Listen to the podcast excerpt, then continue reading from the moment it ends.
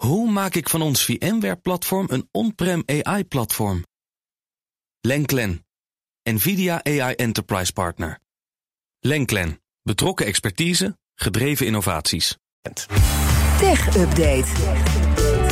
Met Mats Akkerman. Hey Mats. Hey, dan moet ik toch even zeggen dat mijn ouders in de jaren 90 al heel modern allebei part-time werkten om de opvoeding van mij te verdelen. Nou, dus het kan wel. Het kan zeker. Toch en, kijk eens wat een product eruit Nou, precies.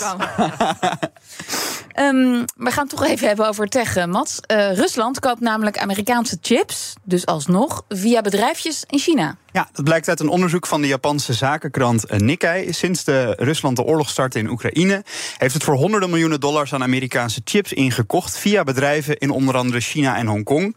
En dat is niet de bedoeling, want er zijn natuurlijk allemaal sancties en exportbeperkingen voor die chips. Nou, die kleine bedrijven in Hongkong en China die verkopen bijvoorbeeld dan Intel-processors aan kleine bedrijven in Rusland. En ze hebben er een cijfertje op geplakt. Voor de invasie verkochten die Chinese bedrijven voor 51 miljoen dollar aan chips aan Rusland. En sinds de oorlog is gestart was het opeens wel 570 miljoen aan chips. Dus meer dan tien keer zoveel. Oh. Ja, oftewel, China heeft duidelijk een soort tussenstation, is duidelijk het soort tussenstation geworden voor die chips, omdat de directe handel wordt geblokkeerd.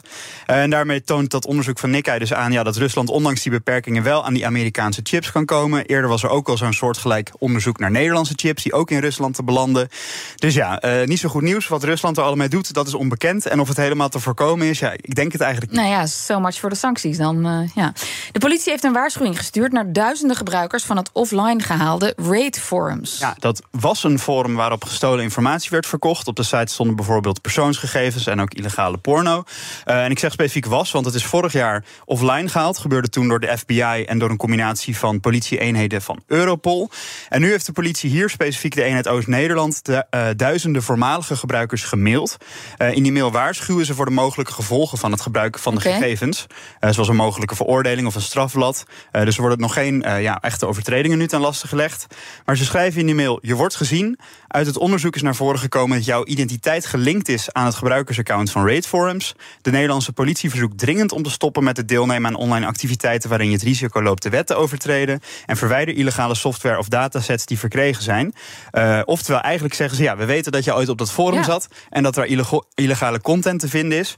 Dus ja, verwijder het gewoon. Want als je het op je computer laat staan, dan ben je mogelijk strafbaar. En we weten wie je bent en dan kunnen we je vinden. Nou, meer dan over porno, want pornosite X-Hamster moet amateurbeelden waarvoor geen toestemming is gegeven verwijderen. Nee, dat oordeelde de rechtbank vanmiddag na een kort geding. Eh, dat was aangespannen door het expertisecentrum online kindermisbruik. Die organisatie die wil af van naaktbeelden op pornosites waar vooraf geen toestemming voor is gegeven. Nou, logisch doel op zich wel.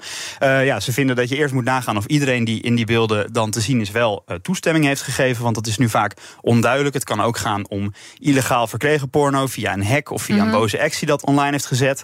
Eerder spannen ze om diezelfde reden al met succes een zaak aan tegen de website vagina.nl. Dus die moesten toen al ja, dat offline gaan halen. En nu al een aantal slachtoffers zich bij deze organisatie eh, gemeld. En nu winnen ze dus weer een zaak. Het gevolg van de uitspraak is dat als er dus geen toestemming is gegeven, dan moeten de beelden offline. Nou, sinds 2021 vraagt X-Hamster al eh, ja, via een toestemmingsformulier eh, ja, je dit echt of, wil. of je dit echt wil. Maar voor oudere beelden moeten ze dus nu eigenlijk met terugwerkende kracht helemaal nagaan of die toestemming er wel is. En als dat niet zo is, dan moet het allemaal offline worden gehaald. En de impact daarvan kan best wel groot zijn. Want eh, de pornowebsite Pornhub, dat is wel een iets bekendere, die had in 2020 al iets soortgelijks meegemaakt. Toen schreef de New York Times over illegale video's op de site. En uiteindelijk zorgde dat ervoor dat van de 13 miljoen video's, dat er 10 miljoen offline gingen. Dus meer dan driekwart van wat er op die site te vinden was, moest toen allemaal online. En deze organisatie, het EOKM, die gaat dan ook vrolijk door, want ze willen dit Ja, bij alle sites succes. voorkomen. Ja, twee keer succes en ze gaan door. Dankjewel, Bas Akkerman. De BNR Tech Update wordt mede mogelijk gemaakt door Lenklen. Lenklen. Betrokken expertise, gedreven resultaat. Hoe maak ik van ons VMware-platform een on-prem AI-platform? Lenklen. NVIDIA AI Enterprise Partner. Lenklen. Betrokken expertise, gedreven innovaties.